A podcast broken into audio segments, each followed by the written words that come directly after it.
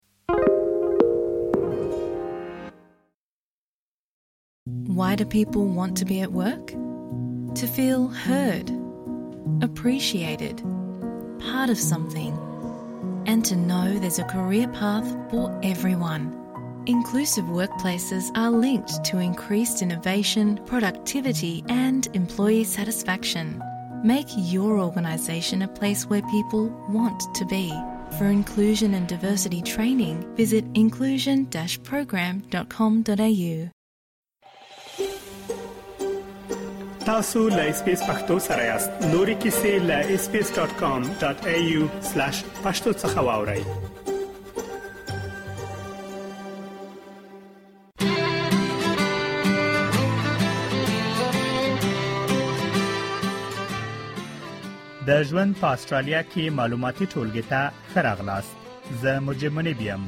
د معلوماتي راپورونو دغه لړۍ له تاسو سره په استرالیا کې د ښې میشتېدنې په برخه کې مرسته کوي ترڅو تاسو دلته د خپل کور احساس وکړئ د کار موندل په استرالیا کې د میشتېدنې پروسې یو مهمه برخه ده هغه کسان چې نوی استرالیا ته راځي د کار پر مهال د نورو استرالیانو په څیر حقونه لري په دغه معلوماتي ریپورت کې مو د کارموندنې په کارځای کې د حقونو او د بیکاری پر مهال د مرستو په اړه معلومات راغون کړي دي هر هغه څوک چې د استرالیا ویزه ترلاسه کوي او دغه هیواد ته راځي په دې معنی نه ده چې په دغه هیواد کې د کار حق لري په سیدنی کې میشت افغان وکیل ډاکټر نذیر داور وایي هغه کسان چې نوي استرالیا ته راځي په دغه هیواد کې د کار ل پایل مخکې بعد خپل ویزه وګوري چې آیا د کار حق لري او کنه هغه وای کچیر یو څوک د کار حق نه لري نو کولای شي د کار د حق ترلاسه کولو لپاره غوښتنلیک وسپاري ترڅو په استرالیا کې د کار حق ترلاسه کړي هر څوک چې استرالیا ته راځي د هغه باید ویزه وکتل شي چې آیا په ویزه کې د حق د کار ورکړ شوی ده کنه د ورکړ شوی که په هغه ویزو باندې چې شرایط دي اته زره او یو سل او یو یعنی اته یو صفر یو شرایط که په یغه ویزه باندې لګول شوی نو دا خلک چې حق د کار په استرالیا کې نه لري بیا په دې خاطر چې حق د کار پیدا کی باید اپلیکیشن خانه پوری کی چې هغه ویور د دیغه چې حق د کار واخلي هغه فورمه دی یو زر او پنځه باید خانه پوری کی ولیکن هغه کسان چې دغه شرط په خپل ویزه باندې نه لري نو هغه حق د کار لري په استرالیا کې بلې ښاغلی داور وایي هغه کسان چې په سب کلاس 200 201 203 204 او 215 ویزو استرالیا ته راځي په دغه هیواد کې د کار حق لري مګر ځینې کسان د صحي ستونزو لامل کېدای شي د کار حق ونه لري د ما د تجربې په اساس باندې دغه کسان چې په ویزه دی 200 تر 200 200 یا 203 څلور او پنځه باندې راځي دا حق د کار لري ټول کامل حق د کار په استرالیا کې لري دا کنډیشن دی غو په ویزو کې نشته خو استثنایی کوم چا باندې کې خولې شوی همي دغه استقبال ډیر سخت کار نه ده ولیکن په اصولو کې نه باید دا خلک کاملا حق دی فول کار لري د نویو راغلو کډوالو لپاره د کار پیدا کول ډیر ستونزمن کار دی که چیرې تاسو نوی استرالیا ته راغلی یاست او دلته کاری تجربه نه لرئ نو تاسو لپاره د کار پیدا کول د هغو کسانو په پرتله ډیر ګران دی چې په استرالیا کې پیدا شوی دی د جاب ترانزیشن ستراتیژي ل ادارې څخه ری پاوري وایي هغه کسان چې نوي استرالیا ته راغلي او په دغه هیواد کې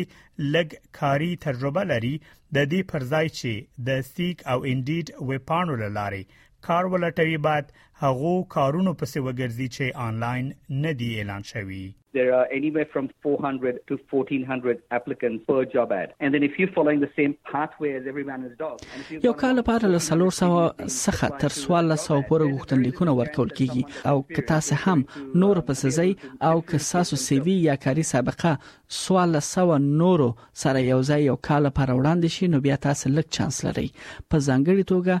چې که تاسو استرالیا کې د کار تجربه نه لرئ نو بیا تاسو غوښتنلیک کې له نورو سره د توپیر لیدل کېږي او تاسو چانس نه ترلاسه کوئ د ایمز ادارې د انګلیسي ژبې استاد لوک ټریډویل وایي چې چیرې تاسو د استرالیا کاري تجربه نه لرئ تاسو کولای شئ دغه تشه په داوطلبه یا ولنټیر کار سره ډکه کړی. که هغوی د رضاکارۍ کومه موقع او اسانتیا ترلاسه کړي، نو دا یوه بهترینه لار ده تر څو استرالیا کې کاري تجربه ترلاسه کړي او هم استرالیا کې کاري کلتور سره ځان اشنا کړي. ډېرو کیسونو کې چې تاسو رضاکارۍ سره کار کوئ، نو هماغه اداره کې نور کارکوونکي له تاسو سره خپله تجربه او مهارتونه شریکوي. مخکې له دې چې تاسو یو کار ته خپل ریزومې واستوئ په کار د ترڅو د اعلان شوی کار او کارګمارونکي ادارې په اړه خپل څېړنه وکړئ او له غوښتنو سره برابره ریزومې جوړه کړئ ترڅو د تاسو د کاري مرکه چانس پورته ولاړ شي خغلی لوک وای کله چې تاسو یو کار ته خپل غوښتنلیک سپارئ نو ډیری وخت تاسو سی وی د کمپیوټر لخوا کتل کیږي کچیر ستاسو سی وی او کور لیټر د اعلان شوی کار ل غوښتنو سره سمون ونه لري نو له لیست څخه ویستل کیږي How your resume has been read, it's, it's been screened for the key words. ستاسو ریزیومي د ځینو ټکو له مخه کتل کیږي که تاسو خپل ریزیومي خپل کار کول لټر سره همغږي کړی نه وي او یا مو کاري غوښتنو ته ښکارا ځوابونه نه وي ورکړي نو بیا ډیر ژر ساسو غوښتنلیک له سیستم څخه وېسل کیږي د سنټرلینک او جاب سرویسز استرالیا ادارې له هغو کسانو سره په وړیا توګه مرسته کوي چې د کار په لټه کې دي کچیر تاسو له سنټرلینک څخه مالی مرسته ترلاسه کوئ دوی داسې کسان هم له تاسو سره د مرستې لپاره ګماري چې له تاسو سره مرسته وکړي هغه کسان چې د لوی عمر لرونکو کسانو د انګلیسي ژبې پروګرام یا ایم ای پی کې د شاملېدلو حق لري هغوی کولای شي په یو بل پروګرام کې هم شامل شي چې د Pathways to Work په نوم یادېږي د نویټاس انګلیش له ادارې څخه فرزانه فرزانه وایي چې دغه پروګرام زمينه برابروي ترڅو استرالیا ته نوي راغلي کسان په دغه هیواد کې کار او ژوند ته آماده شي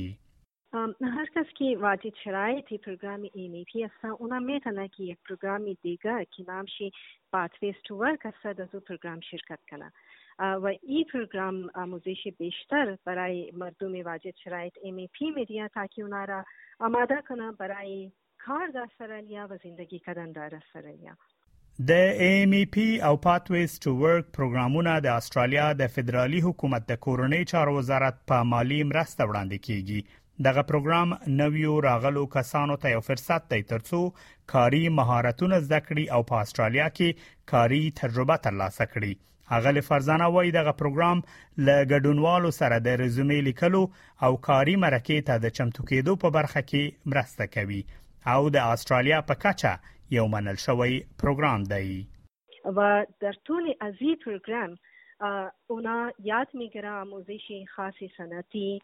نوشتن رزیومی و کمک کدی آموزش مصاحبه و یک آموزش معتبر ملی یا نشنلی اکریدیتیت ټریننګ سته که چیرې تاسو غواړئ په دغه پروګرام کې شامل شئ ترڅو په استرالیا کې د کار لپاره آماده شئ نو مهرباني وکړئ د نویټاس انګلیش له ویبپاڼې څخه لیدنه وکړئ استرالیا ته لراتګ وروسته چې کله تاسو په دغه هیواد کې کار پیل کړئ نو تاسو د کار پر مهال ځانګړي حقونه او مسؤلیتونه لرئ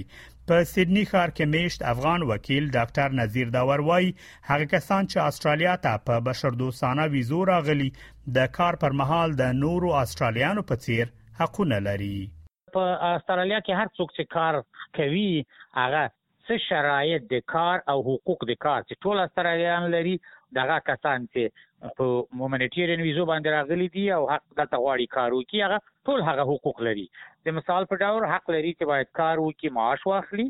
معاش هم په ستاندرد باندې واخلي په هغه خپل عرصه د کاری کې هغه منیمم ویج چې موږ ورته وایو هغه کمترین معاش باید په باید په ستاندرد په نظر کې ونیول شي هغه مرک معاش باید دی واخلي په خوا کې باید کار بیمه ولري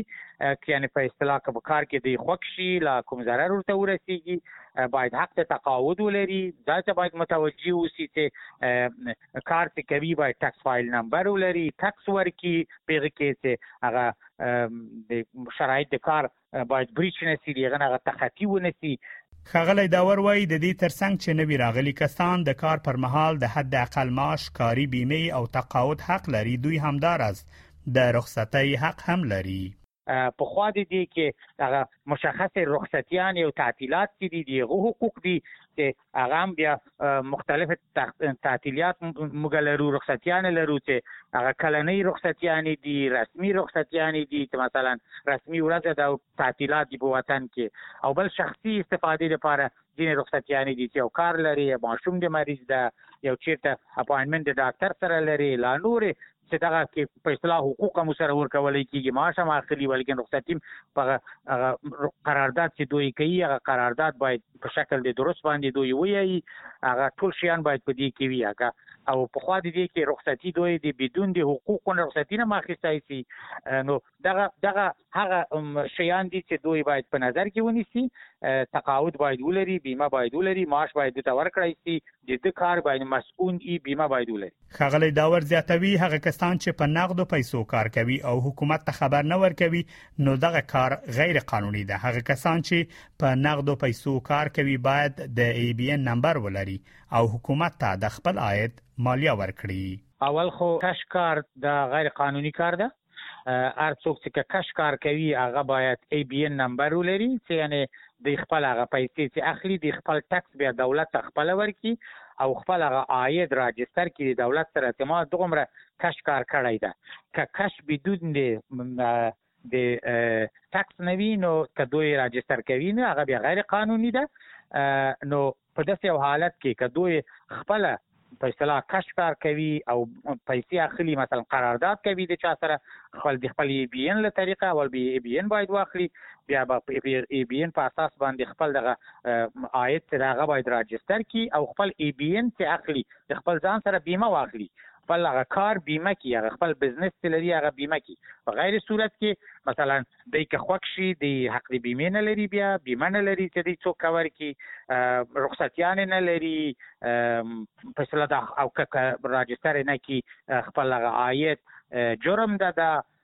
دا نو داسې ستونزې سره پیدا کیږي که چیرې د یو کارګر او کارګمارونکو ترمنځ ستونزه پیدا شي نو د ستونزې د حل لپاره بیلا بیلې لارې شتون لري په دې اړه ډاکټر نذیر داور داسې وایي منیب صاحب که وخت چې یو یو یو چا د پاره چې کار کوي یو کارمند د پاره مشکل پیدا سي اولینه خبر دا ده چې هغه وکتلی چې څه رقم مشکل ده کم وی د خپل سپروایزر سره د خپل باس سره هغه امر د کار سره یو سره خبر یو چې کدی یو غوښ نو بیا هغه خپل مربوطه جی کې چې کار کوي دی دیغه دیغه کارګرانو د اتحادیه سره د تماس ونیسي که یو سره هم حل نسو بیا موږ دلته فیر ورک امبټسمن لرو یعنی هغه د دې شي نه نظارت کوي دغه دفتر دغه فیر ورک